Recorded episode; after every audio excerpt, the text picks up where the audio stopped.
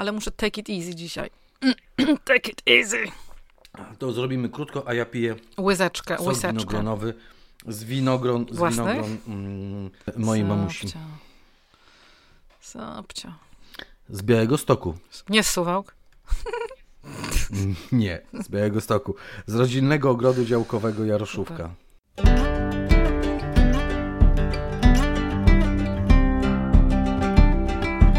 Naturalnie o ogrodach, odcinek 31.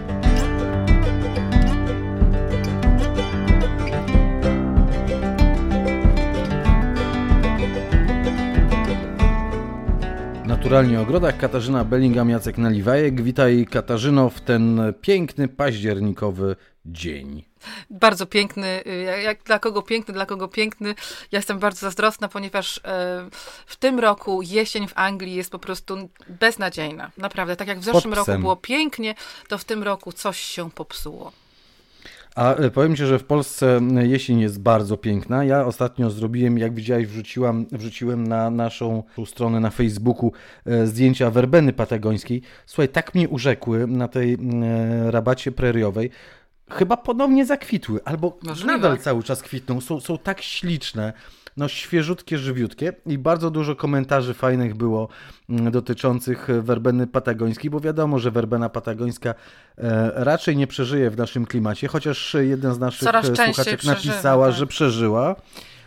Inne stwierdziały, że się bardzo fajnie, dobrze rozsiewa. Ja też tak napisałem, ale mm, też była słuchaczka, która napisała, że u niej się nie rozsiewa. To krótka O. tylko porada, co zrobić e, wiosną. Nie za szybko e, wyrywać wszystko, co rośnie na Dokładnie. dole, szczególnie gdy jest to kwiecień. E, Tak, i nauczyć się rozpoznawać, jak wygląda siewka werbeny patagońskiej, bo już raz jak się zobaczy, to już potem to się zapamięta i tego się nie będzie wyrywać, jak się na przykład odchwaszcza na wiosnę. Ale też możliwe jest, że ona nie lubi ciężkich gleb. E, Jeżeli ktoś ma mokre, Mhm. mokre gleby, to ona to raczej nie będzie chciała się tam rozsiewać sama. Co, ale za to sąd e, bardzo dobrze się rozsiewa, na przykład w, w takich w żwirze, w piaszczystych glebach, prawda? Ona tam, tam lubi. I też bardzo długo kiełkuje, także to też się proszę nie, nie zniechęcać. Ja wiem, ja czytałam Bardzo pod naszymi... długo kiełkuje to co, to, co Katarzyna mówi. Specjalnie powiedziałem o tym, że, że w kwietniu, bo to jedna z później e, startujących roślin z nasion. To jest kwiecień, kiedy ona zaczyna kiełkować. Kiedy już wszystko wokół wykiełkowało, to wtedy zaczyna mm, ruszać werbena patagońska. Listki takie postrzępione. Nie wiem, czy można tak porównać, no tak roboczo. Trochę podobne do młodziutkiej pokrzywki, ale, Mhm, tak, ale naprawdę, na, na, na, naprawdę takie, takie, takie niskie mm, roślinki późno e, startujące. Może, może często wyrywane właśnie, dlatego się wydaje, że nie rozsiewa się. Tak. Czytałam również w jednym z naszych komentarzy, że u niektórych osób e, nie trzeba ukrywać na zimę rozmarynu. To jest oczywiście okolice Wroc- Wrocławia. Tak, ja, ja w to wierzę, na pewno tak jest, bo tam faktycznie jest zupełnie inny klimat. E, Można uprawiać rośliny, których raczej u nas na przykład na północy nie da rady. No już nie mówię powiedzmy na, na takich miejscach nad samym morzem, tak Hel, czy gdzieś em, Reda, czy, czy Rumia. Ale wiem, że dużo, dużo e, znajomych na przykład z południa z, z powodzeniem uprawia em, ostnicę wielką, Stipa gigantea. A wiem, że na północy się nie udaje, nie przeżywa zimy. Także no, ci, co mieszkają w okolicach Wrocławia, to niech się generalnie cieszą. Oj, zdecydowanie. E, Tak, e, i przypomniałaś mi o rozmarynie. Ja e, w jednym z poprzednich odcinków mówiłem, że. A, to chyba w poprzednim odcinku. Mówiłem, że rozmaryn powinien przezimować, żeby pięknie wiosną zakwitnąć, tak w maju. Zdumiałem się dzisiaj. Mm, Mój Rozkwitł? rozmaryn kwitnie teraz. Mhm, Naprawdę. No, Ma ale piękne jest niebieskie tak kwiatuszki. cie- Rozkwitł. o tej porze roku. To jest troszeczkę zwariowanie i musimy o tym wam przypominać często, że te wszystkie tradycyjne przepowiednie, tradycyjne podejście do niektórych rzeczy może się zmieniać w ogrodnictwie w związku z tym, że jest teraz po prostu inny klimat. Jest, no, kto by pomyślał, że w Anglii od miesiąca jest codziennie 10 stopni Celsjusza, jest naprawdę chłodno, a w Polsce jest taka piękna pogoda. Także też y, różne rzeczy się będą zmieniały i dzisiaj może mm, to, o czym dzisiaj też będziemy rozmawiać y, często, ponieważ dzisiaj roz, rozmawiamy o czym, Jacku? A, jeszcze zanim dojdziemy, A, dobrze. kochana, jeszcze dużo, jeszcze dużo czasu. Dlatego, że chciałbym, żebyśmy zapowiedzieli, e, zanim dojdziemy do głównego tematu, dwa wydarzenia, które e, przed nami. Pierwsze wydarzenie 27 października, w niedzielę 27 października, jakbyśmy je roboczo nazwa, nazwali, może Festiwal Dyni. Co u Ciebie w ogrodzie? W ogrodzie Katarzyny Bellingham Festiwal Dyni, albo Dzień Dyni, e, albo nie wiem, Święto Dyni. Święto Dyni, 27 tak. października, niedziela między 12 a 16. Zapraszaj. E, tak, jest otwarcie ogrodu oczywiście tak jak, że tak powiem, zawsze w każdą niedzielę. E, to się nie zmienia pomiędzy 12 a 16, ale jest to ostatnie otwarcie ogrodu w tym sezonie, także serdecznie, serdecznie zapraszamy. No i oczywiście będziemy mogli pochwalić się pięknymi dniami. I w związku z tym, że mamy te dynie i że to jest teraz taki sezon dyniowy, to chcielibyśmy to jakoś bardziej jeszcze uczcić i właśnie będziemy, wszystko, wszystko się będzie kręcić dookoła tych dyń. E, jeszcze jesteśmy, że tak powiem, w, w momencie, kiedy ustalamy dokładnie termin, ale będziemy w to, będzie w to zamieszany Jacek, także Jacek będzie również u nas w ogrodzie. Oczywiście Alina będzie w to bardzo, bardzo zamieszana, także zapraszamy serdecznie. Mam nadzieję, że pogoda się utrzyma do tej niedzieli, ale ogólnie jeszcze dwie niedziele ogród jest otwarty, także będzie dyniowo, będzie kolorowo. No naprawdę teraz w październiku jest przecudownie, bo po, po, pomimo tego, że preria powolutku traci swoją barwę i zaczyna się robić monochromatyczna, tak jak powinna, to las, który otacza prerię, zaczyna płonąć. Po prostu czerwień, złoto, żółte kolory, oliwkowe kolory, naprawdę coś fantastycznego. Także teraz tak jakby inne miejsce w ogrodzie zaczyna się robić y, ozdobne. No ten całe tło tego ogrodu. Codziennie można się czym innym zachwycać. Ja się dzisiaj rano zachwyciłem żywopłotem grabowym, który nagle pożółkł. Stał się taki, wiesz, żółty. Za chwilę będzie czerwieniał, brązowiał i te brązowe liście będą przez całą zimę na tych krzakach e, wisiały, chroniąc przed zimnymi e, wiatrami, by wiosną wyskoczyć zielony. Ale cudnie w tej chwili wygląda żywopłot tak, grabowy. no i to jest właśnie piękne, to jest piękne, te chwile, które nie zostają na zawsze. To nie jest żywopłot, który jest zawsze taki sam, tylko się zmienia. Te krajobrazy się zmieniają. Ja pamiętam, jak u nas e, przed szkołą, ja chodziłam do szkoły w Oliwie, e, na, na granicy z Sopotem, na ulicy Czyżewskiego, jak patrzyłam przez okno z tyłu na lasy oliwskie, one się tak pięknie przebarwiały na jesień i każdego tygodnia wyglądało inaczej. Nie wyobrażam sobie, żeby ten las był cały czas zielony. To by było takie nudne. A tak to wszystko się zmienia i to też na pewno bardzo mocno wpływa na nasze nastroje.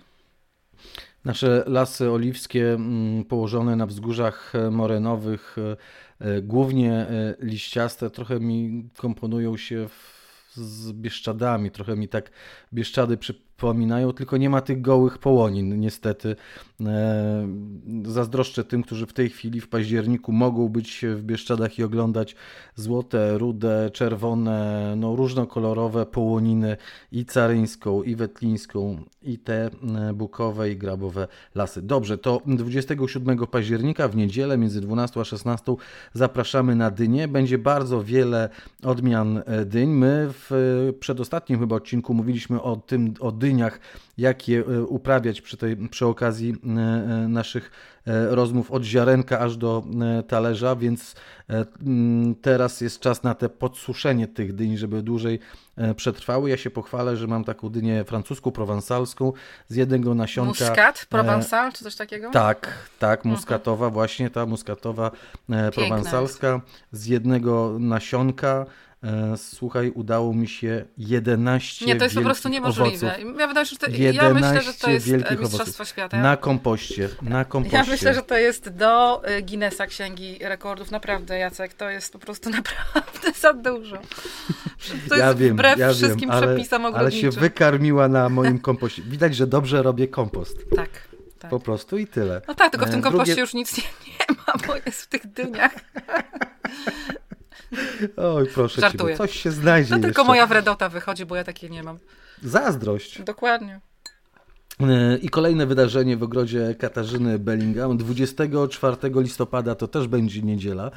E, warsztaty, warsztaty wiankowe e, z Hanią e, Smuczyńską, tak. warsztaty bożonarodzeniowe. Tak, już Bożonarodzenie. Z Hanią Smuczyńską, z naszą ukochaną Hanią Smuczyńską. Tak, słuchajcie, z naszą ukochaną, utalentowaną Hanią Smuczyńską, która najpiękniej robi na świecie kompozycje um, wszelakie, również bożonarodzeniowe, ale słuchajcie, wyobraźcie sobie, że 24 listopada to jest 4 tygodnie do, no zresztą 24, no można sobie policzyć, tak, do Wigilii, więc akurat to jest fantastyczne fantastyczny czas, żeby zrobić sobie nie tylko wianek na drzwi, ale na przykład wianek adwentowy na stół, no zależy kto jak e, obchodzi święta, ale akurat wtedy na te cztery tygodnie wystarczy, także to jest najlepszy czas. To wcale nie jest za wcześnie, bo czasami tak się myśli w listopadzie już się przygotowywać do świąt, ale już na pewno mhm. jest to dobry pomysł, żeby zacząć o tym myśleć. Potem będziemy biegać po sklepach, pewnie um, zajmować się czymś innym. Także 24 listopada zapraszamy. Znowu będą takie warsztaty, które polegają na tym, że będziemy robić ozdoby z roślin. Um, z kawałków roślin, z zasuszonych kawałków Wyjdziecie roślin. do ogrodu tak, i, porobi, i z ogrodu, materiał. Z ogrodu, z lasu, z przydroży. Znaczy ja myślę, że Hania jak zawsze przygotuje Nie, Hania już przygotuje, wcześniej. oczywiście.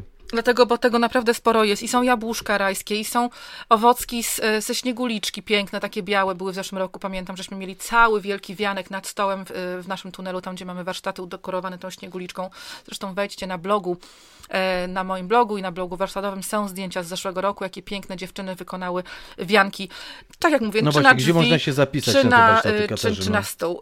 Proszę bardzo, jeżeli ktoś ma ochotę zapisać się na warsztaty, to proszę napisać pod adres biuro małpa angielskie ogrody.com i y, po prostu napisać, że ma ochotę uczestniczyć w warsztatach. I jeżeli y, będzie miejsce, a jeszcze na razie miejsce jest, bo dopiero wczoraj zostały te warsztaty, że tak powiem, opublikowane, mm, to ja odsyłam informację, że miejsce jest y, i jak można zapłacić, bo oczywiście, jeżeli zapłacicie, to już macie zagwarantowane miejsce.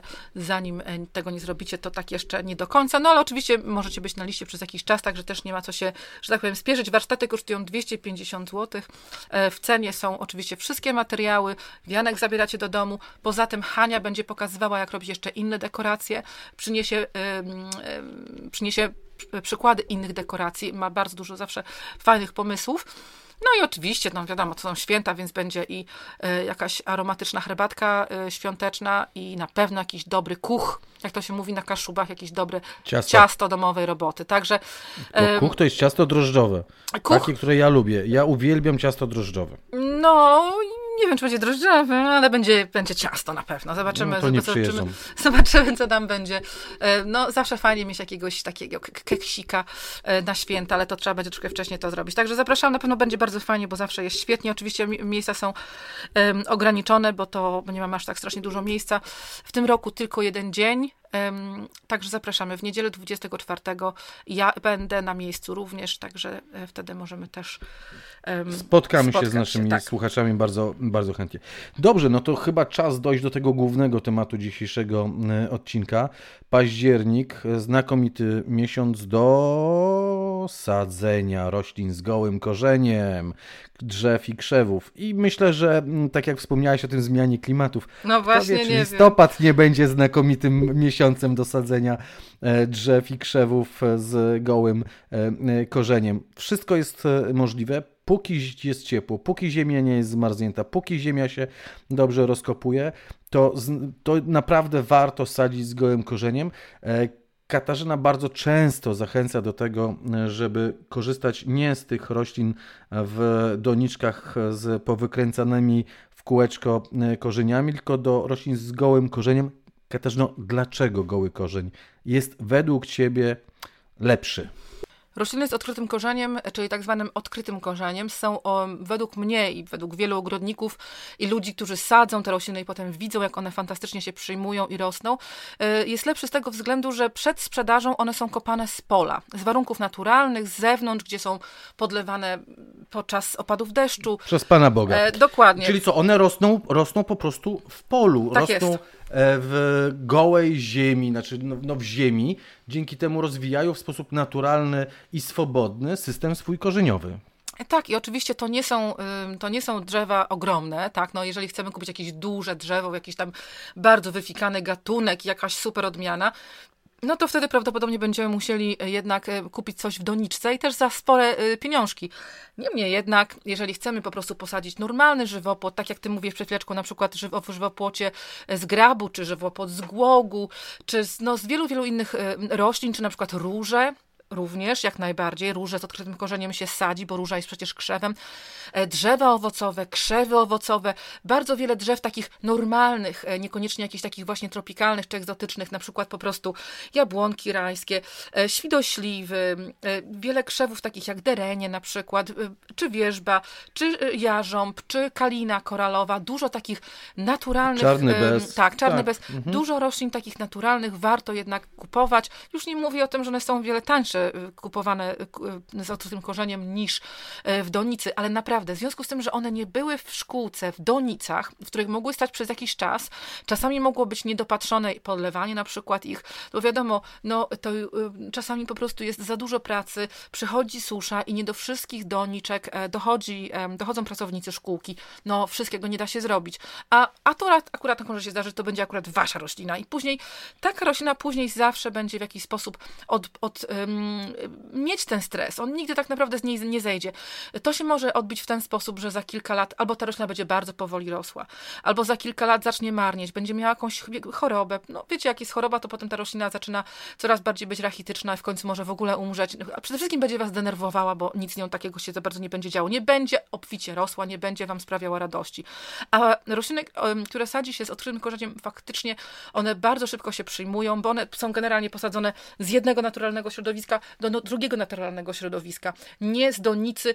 Pamiętajmy również, że w donicy te rośliny nie rosną w, takim, w takiej glebie, która jest w ogrodzie, tylko też rosną w podłożu. E, muszą być nawożone sztucznie, muszą być, tak jak mówię, podlewane, tak troszeczkę utrzymywane nienaturalnie przy życiu. A tamte z Nienaturalnie, bo a w takiej, w takiej glebie, gdzie rosną na, na, na polu, jak to się ładnie mówi. To i życie w takiej glebie jest e, bogatsze niż e, w donicy i łatwiej jest tym roślinom o naturalne składniki pokarmowe, a nie o te sztuczne, które często widać w szkółkach są posypywane takim granulowanym Tak, to leży tak przy, przy nawozem, mhm. tak, tak, tak, przy pędzie Tak, leży. poza tym mhm. one są też bardzo często kopane prosto w Polsce gdzieś z jakichś szkółek, bardzo często leśnych szkółek. One nie są przywożone nie wiadomo skąd, także naprawdę, jeżeli, oczywiście to też... Przystosowane do naszych, naszych warunków klimatycznych. Tak jest. Przynajmniej te, nie wiem, jedną zimę przeżyły e, często, tak? W naszych warunkach już trochę się zahartowały. Tak, tak. Także oczywiście ważne jest, co możecie posadzić z odkrytym korzeniem. To, co przed chwileczką mówiłam Wam, to jak najbardziej, e, to też będzie zależało od szkółki, do której się udacie, ponieważ nie we wszystkich szkółkach można kupić e, rośliny z odkrytym korzeniem, ale w wielu takich szczególnie tradycyjnych można. Ja ze swojej strony na przykład mogę polecić oczywiście wszystkie szkółki, to chyba będzie na terenie całej Polski, szkółki leśne. Przy, na przykład przy Arboretum Wirty, za Kościerzyną, tam w stronę, w stronę Kociewia, tam na pewno można, tak? Y, Jacku, powiedz, jeżeli źle mm. mówię, ale wydaje mi się, że tam mają od, od, z odkrytym korzeniem. W okolicach Warszawy, na południu Polski nie ma znaczenia. Bardzo często przy leśnictwach można y, nabyć właśnie takie rośliny. Oni mają swoje własne y, takie pola obsadzone takimi drzewkami. To szczególnie na przykład, gdybyście chcieli sobie posadzić na działce wiatrochron. Bo jeżeli mhm. macie wiatrochron, tak, jeżeli no macie. Dobrze, dobrze. Chciałam powiedzieć wiatrołap, ale chyba nie, nie, nie, nie w tą stronę. To trochę inne, to, to w, domu. domu. Wiatrołap jest w domu. Na przykład bardzo często ja projektuję działki, mm, ogrody na działkach, które są, no powiedzmy, mają tysiąc, dwa, trzy, cztery tysiące metrów są większe. I nie ma co, takie działki powinny naprawdę, szczególnie od strony wschodniej czy północnej, bo wschodnie wiatry są naprawdę paskudne, są bardzo chłodne, e, wschodnie wiatry na początku e, wiosny, na, tak w zimie, dlatego nie ma co, trzeba, e, trzeba sadzić wiatrochrony. Zawsze jak chodzimy po angielskich ogrodach, to zawsze przewodnicy opowiadają historię ogrodu, to zaczynają od tego, że w roku 1000 500 którymś roku jakiś ser, pierwszą rzecz, którą zrobił, to posadził dookoła ogrodu, czy tej całej posiadłości wiatrochron. Naprawdę to jest ważne, bo na, na, na, na działce, jeżeli chcecie mieć e, piękny ogród, to on musi, ona, to, ta działka musi być zaciszna. Rośliny, naprawdę ile razy powtarzamy, prawda, nie tak bardzo boją się chłodu, ale tak bardzo się boją wiatru. Tak, ale wiesz co, ty odwołujesz się do tradycji angielskiej, to ja się odwołam do tradycji polskiej. E, pan Tadeusz i dwór sędziego, do którego przyjeżdża młody Tadeusz w opisie tego dworu. Tam od północnej strony dwór chroniony był szpalerem topoli posadzonych, tak? Także topole chroniły ten dwór od tych właśnie północnych, Dobrze, chłodnych, zimowych wiatrów. No nie, no po prostu nie, nie było wtedy, no ja nie wiem. było wtedy takiej mody. No a No, ja topole, myślę, teraz też większy. topole są nielubiane, a kiedyś po prostu sadzono je, dlatego że one rosły szybko, wysoko, tak, i stanowiły znakomite właśnie mm, osłony od e, wiatrów. Topole są bardzo wartościowe i na pewno bardziej wartościowe niż wiele innych roślin, które sadzimy, także nie ma co, nie ma co ich nie lubić. Tak, także wiatrochron i to właśnie na przykład na wiatrochron idą naturalne drzewa, bo nie ma co wiatrochron robić, wiatrochron robić z jakichś tropikałów, jakiegoś nie wiadomo co, bo to on nie ma przyciągać wzroku. To nie ma, goście nie mają przyjść do nas powiedzieć, ale macie piękny wiatrochron. Wiatrochron ma spełniać funkcję wiatrochronu i również powiedzmy jakiegoś tła dla innych ciekawszych rzeczy, które są na działce. Także spokojnie taki wiatrochron można posadzić właśnie zmieszanych może tak w panu Tadeuszu trochę, oni trochę prze, przesadzili, że tylko 100 poli. Yy, No co ja zrobię? Tak, tak Mickiewicz no napisał. chyba nie mieli za bardzo, kurczę, tam projektantów ogrodu za dobrych. Mieli no ogródek przecież z osieńki, przecież pięknie utrzymany, e, warzywny i e, to ptactwo, które tam chodziło po tym ogródku warzywnym, bo ona je karmiła, po tej desce zbiegała z dawnego pokoju Tadeuszka. Rozmarzyłem się, okej. Tadeuszka. Wracamy, wraca, wracamy, wracamy do normalnych naszych współczesnych ogrodów. y, tak, ja... Ale mówisz o wiatrochronach, ale mówisz mieszanych. To Tak. co? A co warto posadzić No, na coś, takie no wiatrochrony? słuchajcie, no warto po prostu się kierować tym, co rośnie wokół nas. Spójrzcie na las, co macie w lesie, jakie macie pomieszane e, drzewa. Powiedzmy, no ja zawsze mm, i do w okolicach Warszawy też jest dużo piasków i u nas na Kaszubach jest dużo piasków. To są takie gleby bardzo lubiące roślinność taką jak na przykład sosna, brzoza, również wierzba i topola. Bardzo, to warto te rośliny wszystkie mieszać, bo one potem inaczej też rosną, inaczej się zachowują. E, Bardzo często e, wierzby się łamią, potem one pięknie odrastają na innych poziomach, także jest tak jakby różne piętra roślinności są.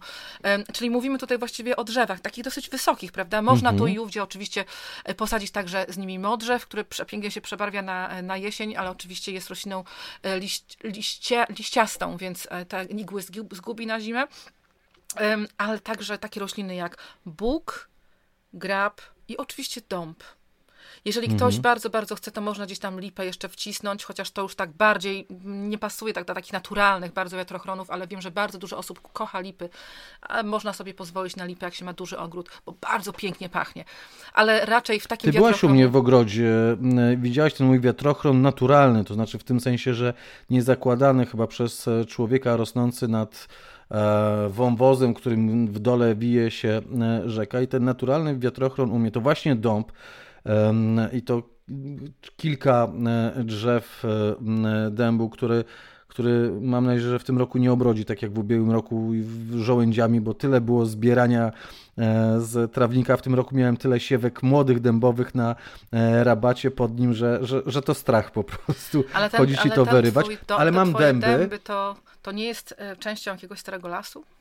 Mm, Tak, znaczy wiesz co, to, to jest jakieś takie stare, stare las E, i to jest naturalne e, założenie, nie sadzone e, ręką ludzką, więc są, są dęby, są graby, są e, e, buki, ale są też e, lipy tam wmieszane. Być może te lipy zostały posadzone mm, ręką ludzką, ale pięknie właśnie lipy mm, jak zakwitną, to pięknie pachną i przyciągają pełno pszczół. No, Pięknie tak. pachną, naprawdę. To, Mhm. to warto chociaż mieć jedną lipę gdzieś w ogrodzie, bo prze, przecudownie pachnie. Także te drzewa, właśnie takie naturalne egzemplarze drzew normalnych, wysokich, do wiatrochronu, no myślę, że spokojnie moglibyście kupić z odkrytym korzeniem przy jakichś leśniczówkach, przy jakichś leśnictwach. To trzeba poszukać. Jeżeli chodzi o krzewy bardziej Mhm. Trzeba wejść na, na stronę Lasy Państwowe, zobaczyć jakieś nadleśnictwo. Bardzo często mają tam właśnie na s- stronach internetowych waszego nadleśnictwa mają takie szkółki e, roślin e, leśnych, tak jak Kasia mówi, to są, to są te iglaste i liściaste e, drzewa, ale też bardzo dużo gatunków ciekawych odmian krzewów, e, które można sadzić z gołym korzeniem. E, Tak, jeżeli będziecie sadzić taki naturalny em, wiatrochron z dużych drzew, no bo to jednak będą kiedy w przyszłości duże drzewa, to nawet ja bym się pokusiła na początku, ponieważ to nie są rośliny drogie. To są rośliny dosłownie rok, dwu, góra trzyletnie. One nie są drogie. Ja się kupuję czasami nawet w takich paczkach po 10, 50, 100, 500, to zależy. Wiązki takie. E, tak, mhm. oczywiście im więcej, tym tańsze są. I naprawdę sadźcie je dosyć gęsto. Sadźcie je nawet co metr. I później bardzo dużo z tych roślin może po prostu, bo to też nie są takie nasadzenia, które potem musicie chodzić przy tym, podlewać, odchwaszczać, tam nie wiadomo co z nimi robić, tylko zostawiacie je w spokoju. I później po prostu niektóre rośliny wypadną, a niektóre przeżyją i to, by, to już wystarczy, tak? Bo pięknie wam zarosną, e, zarośnie ten, ten wiatrochron. Także to jest to, jeżeli chodzi o tą sprawę większych drzew z odkrytym korzeniem. A potem mamy drzewka i krzewy. Drzewka dla mnie to są po prostu małe drzewa, niższe drzewa, takie, które dorastają do 8, 6, 5 metrów. I to mówimy właśnie jarząb, jabłonka rajska, dużo, dużo różnych odmian jest jabłonek rajskich, e, śliwa wiśniowa, różne są też e, odmiany. Takie już coś, coś niższego, może nawet i leszczyna, która właściwie już jest, e, powinna się kwalifikować do krzewu. Także to e, są takie już troszeczkę mniejsze drzewka i, i, je też jak najbardziej sadzimy już w ogrodzie. To już możemy sadzić bliżej e, i, i na miejscu. Na przykład możemy nawet sadzić w rabatach mieszanych, taką rajską jabłonkę, czy świdośliwe jak najbardziej. I to już wtedy też można kupić z drugim korzeniem, ale to raczej pewnie w szkółkach. Ja na przykład wiem, że Dendron pod Gdańskiem na kokoszkach sprzedaje dużo roślin z odkrytym korzeniem i naprawdę niedrogo i można tam kupić i e, te wszystkie krzewy, o których mówiliśmy, e, takie naturalne, czyli na przykład kalina koralowa, e, wierzby różne, derenie, dereń rozłogowy, oczywiście dereń biały, którego zawsze polecamy, odmiana Sybirika, nawet był chyba ten elegantissima, ale też są bardziej ozdobne krzewy, oczywiście śnieguliczki, no tego wszystkiego jest bardzo bardzo dużo, także jest, y, jest tam z czego wybierać. Oczywiście im wcześniej się udacie do takiej szkółki, tym lepiej. Tak jak Jacek zaznaczył wcześniej, to, to się sadzi pomiędzy październikiem a kwietniem. Wiadomo, że w naszym sezonie to jest całkiem możliwe, w naszym kraju znaczy się to jest całkiem możliwe, że e, styczeń, luty i może część marca, bardzo prawdopodobnie część marca będą wykluczone w ogóle z tego sadzenia. Mhm. Także, tak. E, a teraz znowu jest ciepło, także ja też nie ma co się rzucać na te rośliny, kiedy może w szkółkach nawet ich jeszcze nie być, bo one powinny być kopane w stanie spoczynku to jest cały ten zamysł jest tego. Jak zgubią liście, Dokładnie. jak już są bez liści, to wtedy i uważajcie, uważajcie, jeśli traficie, czasami są różnego rodzaju organizowane, nie wiem, targi, kiermasze e, jesienią. E, I ja spotkałem się bardzo często, jak widzę u siebie w ogrodzie, że rośliny owocowe mają jeszcze liście, jeszcze nie zgubiły e, liści, nie mają takich liści opadających, a często zielone. I we wrześniu jest jakiś kiermasz organizowany ogrodniczy, no ktoś sprzedaje tak. z, gołymi, z, goły, z gołym korzeniem i bez liści. Dlaczego? Dlatego, że liście poobrywał po prostu, żeby było widać. Niestety Albo jeszcze tak, gorzej opadły, bo roślina jakaś martwa jest. Nie, nie, nie, to zrywają, zrywają. Mam nadzieję, że, że aż tak to nie jest, że nie ma, że roślina jest. Nie, nie, nie, e, we wrześniu nie, nie ma w ogóle o takiej opcji. Po prostu, jeżeli, jak, jak już do od października, ale naprawdę tak jak jest w tym sezonie, i potem znowu, jeżeli będzie za ciepło, bo bardzo często też się tak zdarza y, w Polsce, że jak już jest w kwietniu, na początku kwietnia o wiele cieplej, to też już te rośliny się kończą. A i tak się kończą, bo już to jest koniec sezonu, jeżeli chodzi o rośliny z odkrytym korzeniem. Także na start i teraz trzeba już o tym myśleć. Także krzewy... One muszą być w okresie spoczynku, czyli bez, w okresie bez listnym e, i rzeczywiście można je od października. Wydaje się, powiedziałeś styczeń, luty, marzec wykluczony. Tak, zgoda. To, to raczej są to te miesiące możliwe, w polskim tak. klimacie e, wykluczone, ale czasami nawet do połowy grudnia można sadzić tak, takie tak, tak, tak. E, rośliny z gołym korzeniem. Nie należy się bać, dopóki ziemia nie jest porządnie nie zmarznięta, tak, nie mrozem. bójmy się. To nie ma, mhm. nie ma co, nie bójcie się mrozu jak najbardziej. Te rośliny są w stanie hibernacji, one nie umrą. Tylko oczywiście pamiętajmy, żeby one nie umarły. To przede wszystkim jak za zakupimy je, to jest bardzo, bardzo ważne. A, Dotyczy... dochodzi do techniki sadzenia. To znaczy, no w ogóle ja cały czas o tym myślę i myślę, że powinniśmy mówić o tym nawet kilka razy. Nie przesuszyć korzeni, także jeżeli idziecie do szkółki po takie rośliny, to weźcie ze sobą worek czarny, taki duży plastikowy na śmieci albo jakiś inny, e, nieplastikowy, ekologiczny, może być płócienny, jutowy, ale pamiętajcie o tym, żeby to nie wysychało. Także nie chodzić po szkółce z jedną rośliną w, w ręku, oglądając jeszcze co innego i w tym czasie na pięknym słońcu, jak to teraz jest i na jeszcze w dodatku w wietrze, zawsze w dendronie jest zawsze wiatr i tam zawsze widzę, jak tam chodzą ludzie z tymi roślinami z odkrytym korzeniem. Tam by się przydał wiatrakon. Ale już nie chcę tam, kurczę, im, tym ludziom marudzić, bo przecież powiedzą, że jakaś wariatka. Ale naprawdę trzeba, poza tym w, w dendronie akurat tam panie są bardzo miłe i one nawet mają tam na miejscu y, czarne worki Tak, duże. od razu du, y, Tak. y, białe mają, wiesz? Teraz mają białe, białe no. duże reklamówki. No, także Mhm. to, to, można, to można tak zrobić, ale słuchajcie, jeżeli chodzi o takie rośliny na żywopłoty, to też pewnie można by było y, za, za, to zależy jaki żywopłot, zaopatrzyć się w, w szkółkach leśnych, ale ja mogę polecić szkółkę, którą ja znalazłam u nas na północy, bo, bo nie ma tak strasznie długo takich, dużo takich miejsc i ja y, kupuję swoje, kupowałam i teraz polecam, już teraz nie kupuję, bo już nie potrzebuję, ale polecam e, innym szkółkę w Lęborku, która nazywa się szkółka Niwa. E, I tam, tam naprawdę oni mają dużo, dużo roślin kopanych, ale też trzeba wcześniej już tam się in- interesować. Oni są na internecie, trzeba tam albo za- zadzwonić, albo Ale to podjechać. wysyłkowo, nie wysyłkowo. O, wysyłkowo wysyłają. jak najbardziej, jak Mhm. najbardziej. I też, I też niespecjalnie trzeba się bać tych wysyłkowych, bo jeśli dobra e, szkółka e, jest, to potrafi tak zapakować i osłonić e, korzenie i wysłać to kurierem, który szybko e, Tak. dostarczy, że korzenie nie wyschną i rośliny Tak. e, przeżyją. Ja też mam doświadczenie właśnie e, z tej szkółki, o której mówisz, e, zakup e, grabów na swój e, żywopłot w znakomitym stanie dotarły, więc, więc ja mówię, nie, nie bójmy się też e, sprzedaży wysyłkowej, tylko Najgorsze żeby było żeby nie dobrze było liści, zadbane, zadbane prawda? żeby, Y- żeby dobrze były e, osłonione Tak. e, korzenie i ochronione. Ale też jak przyjdą i zobaczycie, że te rośliny są w całkowitym, że tak powiem, rozwoju listnym, że, no, że mają pełno liści, no to też nie za dobrze, tak? To, to, ale to będzie zależeć od Nie. pory roku. To będzie zależeć To od pory prawda. roku.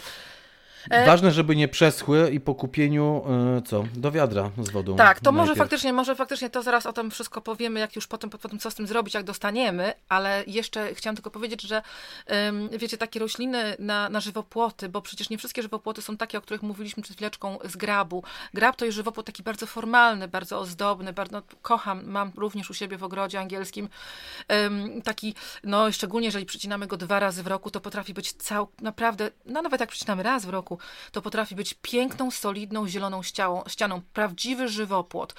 Ale są różne żywopłoty, są naturalne bardziej żywopłoty, takie jak na przykład właśnie żywopłot z głogu. Akurat u mnie ten żywopłot z głogu jest posadzony tylko i wyłącznie z głogu, ale można posadzić żywopłot z głogu, w którym co kilka metrów sadzimy na przykład inną e, roślinę, na przykład jarz, jarz, jarz, jarzęba, czy ym, jabłon, Jarząba. jarząba, jarzębinę, czy jabłonkę Mhm. rajską. y, Po prostu można raz na jakiś czas, tylko tak nieregularnie, posadzić jakieś wyższe drzewko, bo ono będzie tak jakby już w następnym, że tak powiem, y, mm, piętrze i będzie naprawdę pięknym, naturalnym żywopłotem. Również bezczarny raz na jakiś czas posadzić w tym żywopłocie. Także to jest taki piękny, naturalny y, żywopłot z głogu samego lub z głogu i innych naturalnych roślin, ale takich, na, takie naprawdę e, dzikie żywopłoty, bo niektórzy z was, z was mogą mieć na przykład taką działkę, która ym, jest naprawdę duża i na przykład jedna część jej graniczy z jakimś lasem, z którego na przykład przychodzą wam do ogrodu sarny, które zjadają kapusty, no różne rzeczy się dzieją. Może się martwicie, że ktoś wam może przejść z tego lasu, czy z miasta raczej, bo to raczej z miasta ktoś może przejść. Wiecie, ja to akurat w lesie się nie boję, a w mieście, chociaż w mieście też się nie boję, bo jestem z miasta. Ale są na przykład żywopłoty gęsto posadzone z tarniny. I takiego żywopłotu, zresztą głogu też nie, nie da się przejść, bo głóg ma y, kolce, ma ciernie, Tak, ale tak. tarniny nie ma szans. I po prostu tarnina jest tak piękną rośliną. Ona na wiosnę Pięknie kwitnie, cudnie kwitnie, cudownie. zanim rozpuści w ogóle liście. Mhm. No i oczywiście potem również ma y, bardzo wartościowe dla ptaków i również dla osób, które lubią sobie robić jakieś nalewki czy slow gin. y, Bardzo pyszne ma y, owocki, ale pamiętajcie, że to oczywiście jest bardzo, bardzo taki żywopłot niefriendly, nieprzyjacielski. Jak, jak się wejdzie, to już się nie wyjdzie. Także to gdzieś tam na tyłach. Ale są różne, różne możliwości. Jeżeli chodzi o żywopłoty, czy z głogu, czy z grabu, czy z tej tarniny, czy tam z czegoś innego, to polecam kupować y, wielkość tych sadzonek, jak około, bo one nigdy nie są równe, tak, no nie oszukujmy się. Wysokość około 80 do 120 cm. Zazwyczaj przynajmniej tam w, tej, w tym lęborku, tam właśnie jest jeden, jedna z tych, y, z tych kategorii jest właśnie 80 do 120. Wcześniej jest 60 y, do 80. Jeżeli już nie będzie tej wyższej, to oczywiście można kupić tą niższą kategorię, bo ona po prostu będzie troszkę, troszeczkę mniejsza, ale to potem się szybko wyrówna, też będzie tańsza. No i słuchajcie, potem jak kupujecie takie wiązki tych, y, tych, tych witek, takich witków, gałązek właściwie ukorzenionych, jak ja na to mówię, to -hmm. przygotujcie się... Jednorocznych. Tak. Dokładnie, tak. tak. To przygotujcie się na to, żeby posadzić na jeden metr bieżący około 8 do 10 sadzonek. A mówię, e, mówisz o żywopłotach. Tak, mówię o żywopłotach właśnie mhm. albo z grabu, albo z głogu, albo takie inne naturalne, bo wtedy y, sadzimy te y, żywopłoty w dwurzędzie, czyli tak na przemian, tak? Na przykład narysujemy sobie, y, przygotujmy sobie pas około 60-80 cm szeroki, tam gdzie ten żywopłot ma rosnąć. Oczywiście ten pas ziemi trzeba porządnie oczyścić. Czy to jest wzdłuż płotu, czy to jest po prostu pomiędzy podjazdem a resztą ogrodu, tak jak u mnie na przykład jest żywopłot z, z głogu. Nie ma znaczenia. Przygotujcie porządny, szeroki, około 80 cm pas, w którym wykopiecie wszystkie śmieci typu pobudowlane, jakieś kawałki em, materiałów, jakiegoś betonu, kamienie, i również korzenie y, jakichkolwiek innych roślin. To musi być całkowicie oczyszczone z chwastu, że tak powiem, tak? To jest bardzo, bardzo ważne. I później, na przykład, no oczywiście, no, im pole, im bardziej polepszycie tą glebę, tym potem to się wam odwdzięczy y, wasz żywopłot, im będzie wam piękniej, szybciej rósł.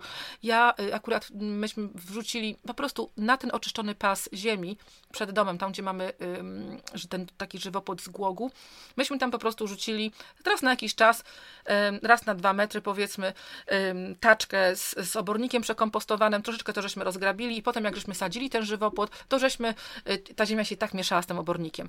Także potem w dwurzędzie, że tak powiem, na 1 metr 8 do 10 sadzonek. Słuchajcie, to nie ma znaczenia, czy one są bliżej siebie, czy dalej siebie, tylko trzymajcie się tych 8 do 10 sadzonek na metr bieżący i potem te rośliny się, one się wszystkie tak przyjmują, to też jest piękne, że one się wszystkie przyjmują i po prostu będzie bardzo, bardzo gęsty żywopłot od samego dołu, bo grab ma to do siebie, że jest jedną z niewielu roślin, która się potrafi y, rozgałęzić naprawdę, naprawdę gęsto od samego dołu.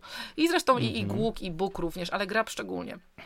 Także E, posadźmy to w ten I sposób. I sadzenie nie jest problemem, bo to takie, takie wbicie sztychy, tak. E, sztycha e, szpadla, szpadla rozsunięcie tej, tej gleby, następnie wsadzenie tej, tej witki z korzeniami do ziemi na głębokość, na jakiej rosła i udeptanie wokół Potem i z głowy. Po, po, i, porządnie piętą i, i przycisnąć i tyle. Oczywiście staramy się, żeby mhm. one były pionowe, a nie gdzieś tam w boki patrzyły.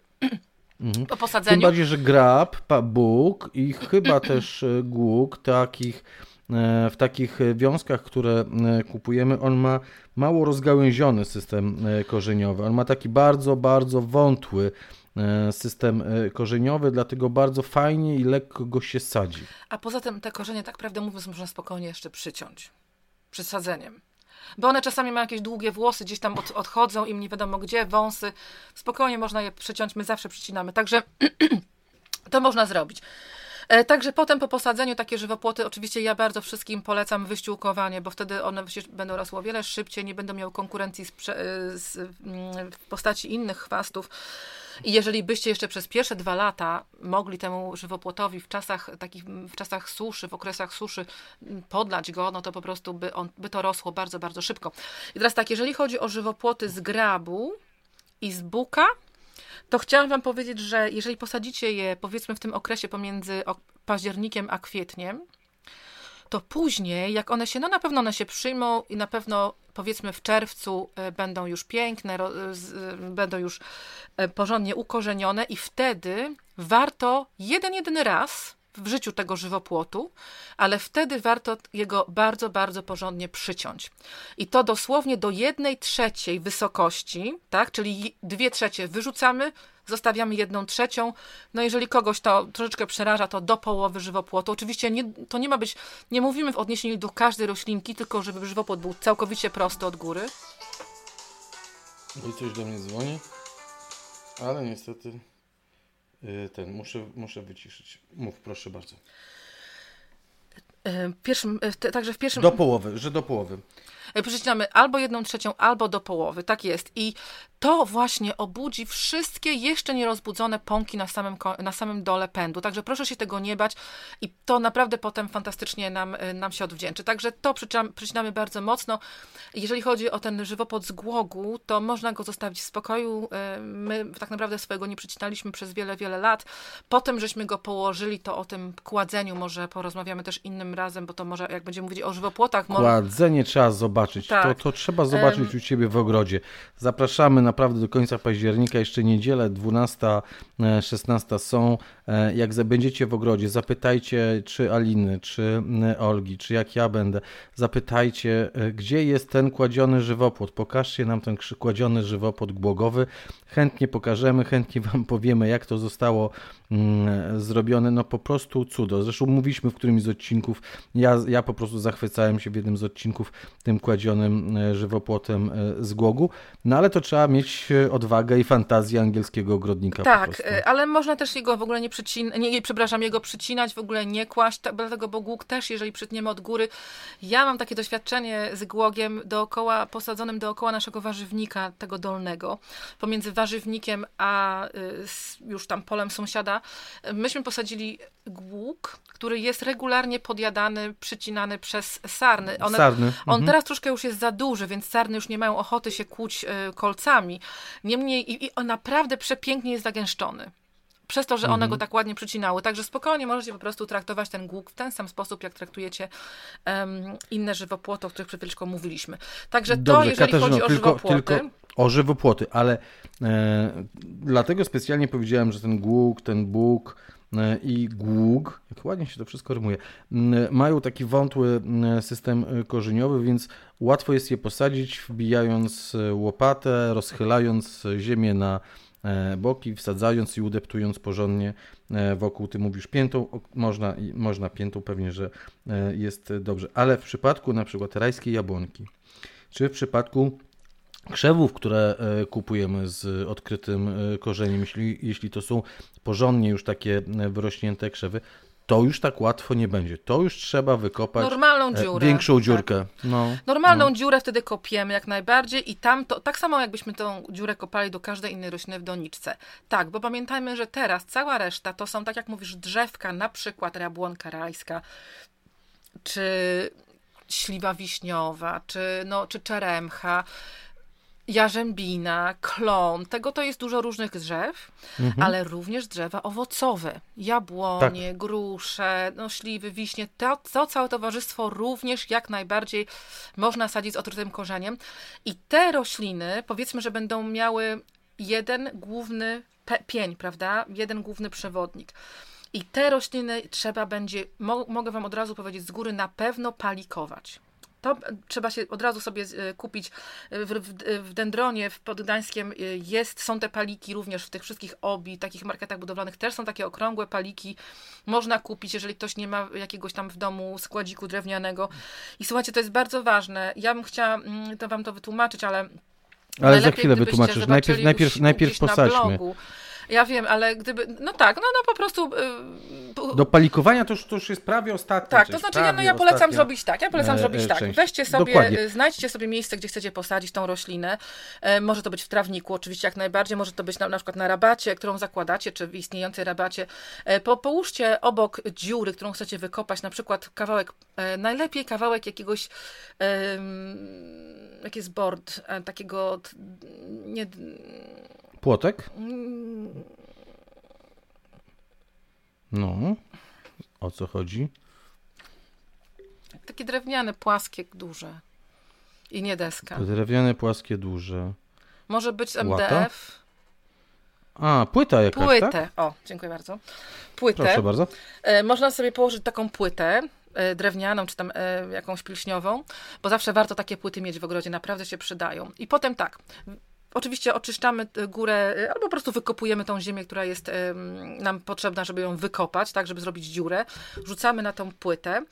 potem słuchajcie... Dużą dziurę? Dobrze, no to zależy wszystko od wielkości rośliny oczywiście, tak? To, to, to jest proporcjonalnie do, do, do wielkości korzenia. O tym musimy pamiętać. I słuchajcie, i wtedy dobrze by było na przykład troszeczkę dodać do tej ziemi, która została wykopana z dziury, na przykład troszkę własnego kompostu. W najgorszym wypadku, jak nie macie, to nawet troszeczkę podłoża y, ze, ze sklepu, z worka.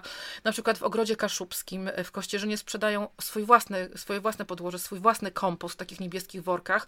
Bardzo fajne też to jest to podłoże. To nie jest takie, to nie jest torf um, odkwaszony, taki, który zazwyczaj znajduje się w workach z podłożem, tylko prawdziwa ziemia. Także warto coś dobrego z tym pomieszać. Ja do tego zawsze dodaję troszkę obornika granulowanego, troszkę mączki rogowej, to wszystko przemieszać i potem wsadzamy do dziury roślinę. Roślina, która jest odsadzona z otwartym korzeniem, troszkę ciężej jest nam zauważyć, gdzie ona, y, gdzie jest granica pomiędzy ziemią, y, tak, na jaką głębokość powinna być na posadzona. Na jakiej głębokości była posadzona. Dokładnie, mhm. dlatego warto przez taką dziurę przełożyć po prostu y, patyczek albo jakąś listewkę, żeby wiedzieć dokładnie, do którego miejsca zakopać tą roślinę. Wiesz, o co mi chodzi, Jacku, prawda? Mhm, żeby, i, mhm, i, trzymać, do, i zawsze przyda się jeszcze jedna osoba, bo tam nie ma doniczki, więc nie może tego po prostu postawić, takie rośliny. Więc przyda się jeszcze, jeszcze jedna osoba, niech ta osoba trzyma tą roślinę roślinę na takiej wysokości, która powinna być, która wyznaczy nam ta listewka położona na, na, tej, na tej dziurze. I w tym momencie, słuchajcie, z powrotem wrzucamy do, do środka tą ziemię, którą wykopaliśmy i namieszaliśmy z czymś, lepszych, z czymś lepszym. I na dół, tej, y, na dół tego dołka na przykład wrzućmy to, te wszystkie chwasty, które były na górze, tak? No, żeby one potem nam nie, nie, nie bruździły. Albo można też y, taką dziurę wykopać po zdjęciu darni. Na przykład jeżeli sadzimy y, mhm. sad w miejscu, gdzie teraz mamy po prostu trawnik. I tą darń potem możemy zdjętą wrócić z powrotem, ale do góry nogami, ziemią do góry. Dlatego, bo oczywiście dookoła głównego tego pędu musi być przez kilka dobrych lat naprawdę czysto, żadnych... Um, nie chodzi mi o jakieś papierosy czy jakieś pa papiery, tylko chodzi mi o to, że ma być czysto, jeżeli żeby chodzi nie było o konkurencji. Konkurencji, żeby nie było konkurencji tak. ani trawy, ani I tam, chwastów. I tam to miejsce. Ani, ani chyba, chyba, że chcecie posadzić to, co, co mówiliśmy mm, też w jakimś e, odcinku poświęconym roślinom cebulowym, chyba, że chcecie tam posadzić cebulki. Cebulki można jak najbardziej, tak, cebulki pozwalam. Także, e, także zróbcie właśnie tak, zakopcie to porządnie kpiętą dookoła, trzeba przybić ziemię, dlatego, bo tam nie powinno być żadnych przestrzeni powietrznych, e, korzenie nie będą rosły w eterze, tak? On tam musi być wszystko porządnie ubite. E, piękne jest to, że niekoniecznie tego nie musimy podlewać, słuchajcie, bo tak jak mówiliśmy, no faktycznie może teraz trochę za późno, bo mogłam powiedzieć to wtedy, kiedy Jacku, ty mówię, że mam to powiedzieć, a ja się nie posłuchałam, że po zakupieniu roślin z otwartym korzeniem powinniśmy je na kilka dobrych godzin zanurzyć albo w jakimś stawie, albo w jakiejś wannie, albo w jakimś misce, albo w jakiejś kałuży, wszystko jedno w czym, żeby tylko porządnie na, namoczyć na korzenie. Dokładnie. Mhm. Na, do, naprawdę spokojnie możecie zostawić nawet na całą noc i dopiero rano sadzić. Myśmy nieraz tak, tak robili. Także to, to trzeba by było zrobić i potem takie korzenie już dlatego nie trzeba podlewać. Dlatego mówię, że tego nie trzeba podlewać. Naprawdę, uwierzcie mi, one są wystarczająco na, nawodnione. I później dobrze by było wyściółkować to miejsce, można posadzić jakieś cebulki, tak jak mówisz. No i oczywiście, tak jak już wracamy teraz do tego palikowania.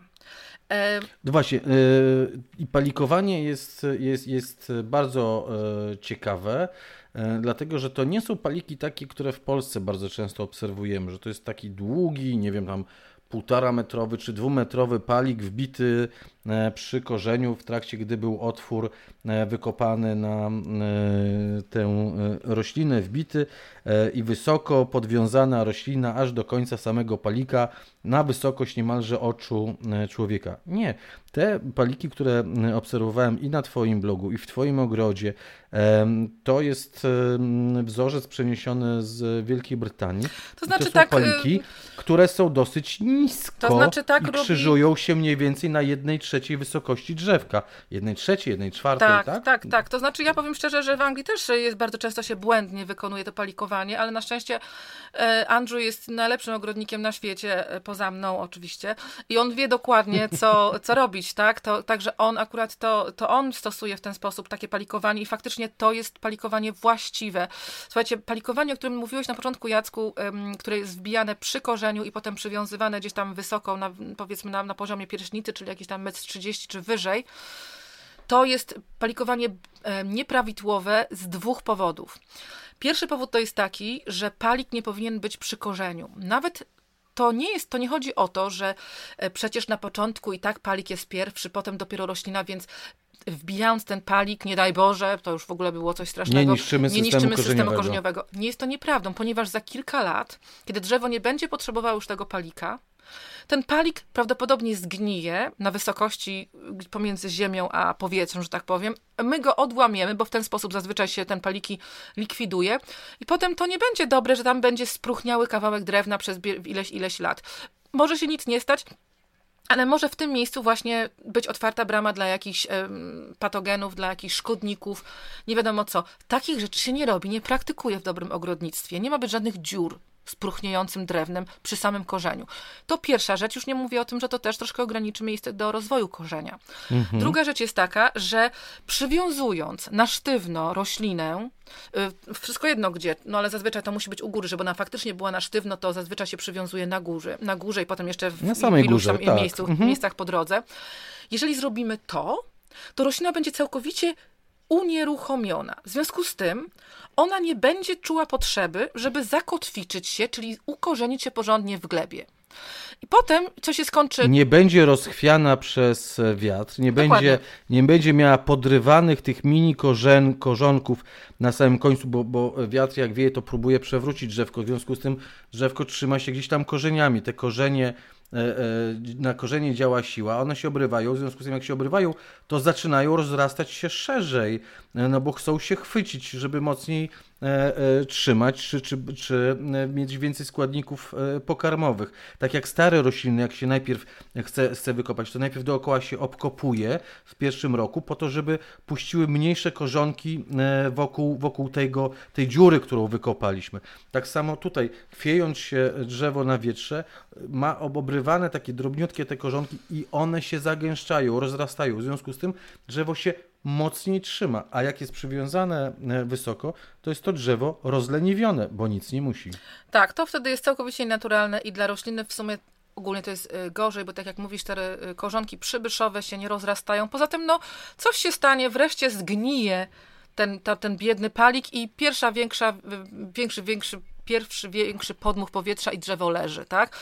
Także to, to jest bardzo ważne. To jak to zrobić porządnie?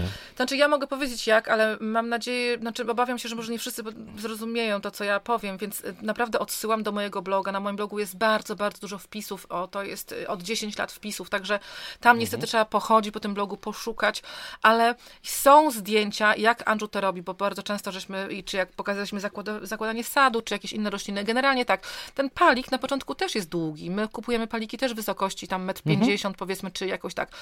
Ale potem po prostu go obcinamy, bo nie ma po, potrzeby, żeby on był e, taki długi. Więc tak, mamy posadzoną roślinę i później wbijamy palik pod kątem około 45 stopni, tak, żeby Wbijamy ją, e, wbijamy go w miejscu, gdzie kończy się ten otwór. E, zazwyczaj pod to jest kątem- tak, tak. Mniej więcej, no wbijamy pod kątem 45 stopni, ale wbijamy w to miejsce, e, gdzie kończy się em, otwór, tak żeby palik był skierowany w kierunku drzewka, tak, Tak. żeby on krzyżował się pod tym kątem 45 stopni z tym głównym pniem e, drzewka. Tak, i on powinien się teoretycznie i praktycznie krzyżować z tym drzewkiem na wysokości jednej trzeciej drzewka od ziemi, tak? Od, od ziemi licząc. To jest raz, a dwa, powinien ten palik być tak, żeby drzewko podczas e, wiatrów, a zazwyczaj u nas to są wiatry jednak zachodnie, Tak. uginało się od palika, żeby ono się o ten palik nie obcierało, nie chorowało i tak, Tak. dalej, i tak dalej. Także musicie po prostu na początku wiedzieć, gdzie macie zachodnią stronę działki i od tej zachodniej strony drzewko ma być, się odchylać od palika, czyli tak jakby e, Palik powinien być po wschodniej stronie drzewka. Właśnie, właśnie tak. No i oczywiście potem trzeba go przywiązać. E, W dendronie też są takie fajne filcowe wiązadła, żeby to, żeby to drzewko przywią- przywiązać, żeby ono sobie spokojnie mogło elastycznie bujać się tam i z powrotem. I potem obcinamy ten palik, bo po co nam taki długi palik. Także zapraszam naprawdę, żeby zobaczyć te ilustracje na blogu. Ja może gdzieś jeszcze to wy, wypatrzę, znajdę jeszcze wrzucę na, na e, e, Facebooka, na Instagrama, żebyście mogli, mogli sobie przypomnieć. Ale to jest bardzo ważne, to jest bardzo dobra technika ogrodnicza. Trzeba robić rzeczy naprawdę porządnie, bo potem to bardzo, bardzo duży ma wpływ na to, jak te rośliny rosną i czy przynoszą nam przyjemność. Mhm. Jedna trzecia to powoduje właśnie to, że e, drzewko jest chronione przed, przed nie wiem, przewróceniem, tak, przy, przy podmuchach tak e, wiatru, ale też ta górna e, część bardzo Cały czas dobrze pracuje. pracuje. Tak. W związku z tym i korzenie rozgałęziają się, te przybyszowe rozchodzą się i, i drzewo się coraz mocniej trzyma. Ja też z własnego doświadczenia dodam, bo kupiłem taką kilka lat temu e, brzozę e, czerwoną, e, która była właśnie w szkółce w, w doniczce i ona była taka rachityczna, taka wiesz, wysoka, a chudziutka i szczuplutka. Mm, I gdy przywiozłem do domu i odwiązałem od tego palika bambusowego, który był wbity w doniczkę, to na prawie mi się, prawie mi się ta brzoza położyła. Wiesz, bo właśnie przywiązana do palika bambusowego, Na sztywno. Szybko, szybko pędzona, ona po prostu nawet, wiesz, nie miała e, tego pnia zdrewniałego. No bo po co e, starać się o zdrewniały pień dla rośliny, skoro ten pień to, to była ta tyczka bambusowa, do której ona była ściśle przywiązana i ona robiła za ten mm, e, wzmacniacz. I wówczas musiałem zastosować niestety metodę tę taką, taką polską, to znaczy był mi pieniek e, wbity do góry i musiałem od góry e, go trzymać, ale potem powoli odwiązywałem coraz niżej, coraz niżej i, i dzięki temu zauważyłem właśnie tę no patrz, prawidłowość, o której ty mówisz, że roślina, gdy się chwieje, gdy poddaje się e, wiatrowi, gdy pozwolimy jej poddawać się e, wiatrowi, to ona mężnieje, ona szlachetnieje, ona twardnieje, robi się bardziej dzielna i systemem e, korzeniowym, i tym swoim pniem, no bo musi prostować się co chwilę. Ona się pokładała, jak zawiał wiatr na początku, potem się prostowała. Super w tej chwili poszła, poszła wszerz pień tej brzozy czerwonolistnej i już nie, nie mam palika, już nie muszę mieć, ale to też taka, taka e, e, próba ratowania tych rachitycznych drzewek, które kupuje się w Ale to szkółkach. też ciekawe, widzisz, że można odratować, że można kroczek po kroczku, taka jakby trochę tak. rehabilitacja, tak. prawda, ją z powrotem do porządku przywołać. Także bardzo dobrze. Nie wspomnieliśmy jeszcze o jednej grupie roślin, o, o różach. Oczywiście róże też mhm. jak najbardziej polecam Wam sadzić teraz z odkrytym korzeniem. Ja zawsze kupuję róże w rozarium.pl. Mhm. Chyba dobrze mówię. I tam u, u państwa hodunów tam jest oferta i są rośliny w doniczkach i są rośliny z odkrytym korzeniem. I teraz już na pewno można y, te rośliny z odkrytym korzeniem u nich już, już prawdopodobnie zacznie, zacznie ta oferta być jesienna oferta, że tak powiem, aktywna. Mhm. E, naprawdę warto, oprócz tego, że one są troszeczkę tańsze, to naprawdę one, ba, one o wiele szybciej się przyjmują, lepiej rosną i pomimo tego, że czasami nam się wydaje, że kupujemy te rośliny z odkrytym korzeniem, są jakieś takie mniejsze, ale one potem bardzo szybko przerastają te swoje koleżanki i kolegów, które były sadzone w doniczkach, ponieważ te rośliny, które są sadzone w doniczkach, czy chcemy, czy nie chcemy, zajmują więcej czasu, żeby się zaaklimatyzować, jeżeli chodzi o rozwój korzenia. Także naprawdę, jeżeli możecie, i drodzy Państwo, nie mówimy tylko i wyłącznie o tak zwanych, nazwijmy to, różach e, szlachetnych, e, czyli, czyli rabatowych, czyli pnących, tak, czy wielkokwiatowych, ale mówimy także o różach, które mogą być znakomitym żywopłotem.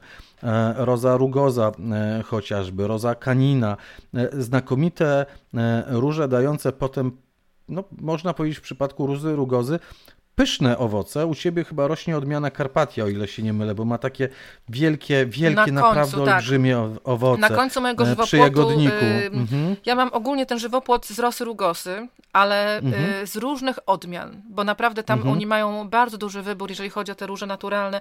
Przepiękne kolory kwiatów i białe, i jasno-różowe, i ciemno-różowe, i takie, i siakie, więc on jest bardzo ozdobny. Wcale się tak strasznie nie rozrasta, jak zawsze przy, przychodzi ludziom, mówią, o Jezu, rugosy. Wcale tak bardzo się nie przyrasta nie rozrasta, szczególnie jeżeli się go przycina, a akurat taki żywopłot można ciąć bez żadnych problemów.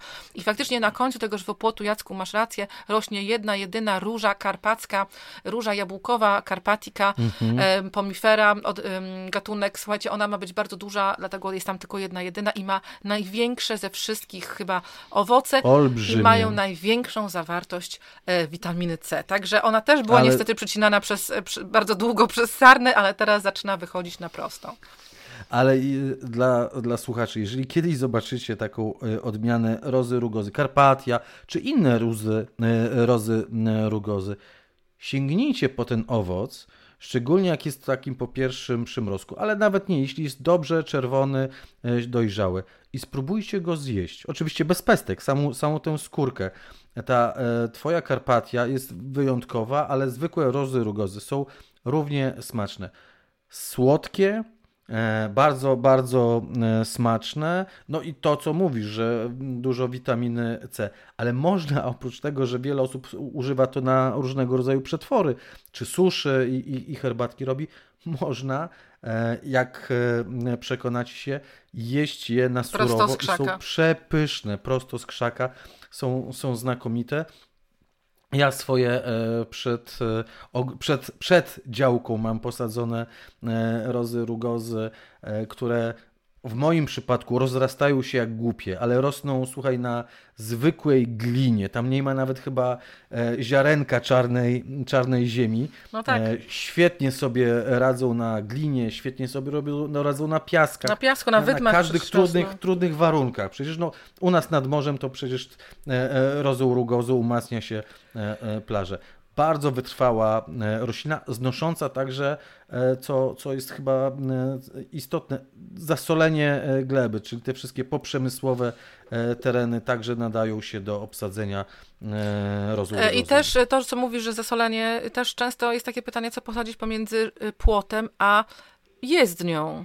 I w tym, tak. w tym miejscu też można, bo chyba nie wiem, czy u ciebie tak nie jest posadzona właśnie. Jest, tylko u mnie się nie soli. No ty masz tam, u siebie masz zacisznie, u mnie tam na się nie, nie zajeżdża. używa się soli. Tam się nie zasoli, tam się nie, nie zajeżdża również. Nie, odśnieżają, ale nie solą, wiesz?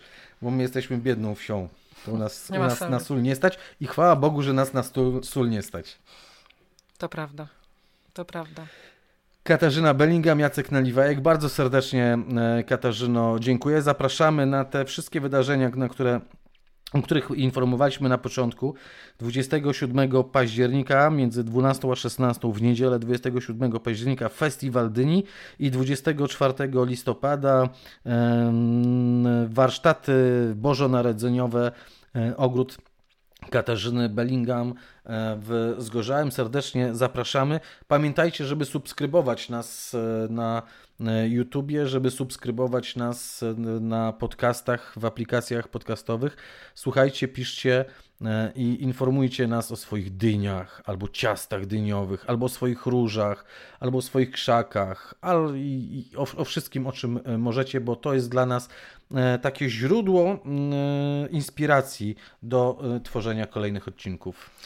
Tak, a ja bardzo często to, o czym mówię, a czasami może nie mam zbyt takich zdolności opisania tego, bardzo często dużo z tego jest na moim blogu też, także zapraszam, ja teraz staram się częściej pisać i teraz jestem w trakcie pisania kolejnego posta, także jestem z siebie bardzo dumna. Zaglądajcie na blog katarzynabellingham.blogspot.pl, bo tam też jest dużo zdjęć i dużo, dużo, dużo o tym, o czym mówimy teraz, to jest na blogu i też na blogu są przypomnienia różnych odcinków podcastów, podcastów co dotyczy czego, ponieważ tych odcinków mamy już 31. Tak, to jest 31 odcinek i to jest koniec 31 odcinka. Dobrze. Dziękuję Ci, Katarzyna. Dziękuję, do usłyszenia. Pozdrowienia dla angielskich ogrodników. I dla polskich również. Do widzenia.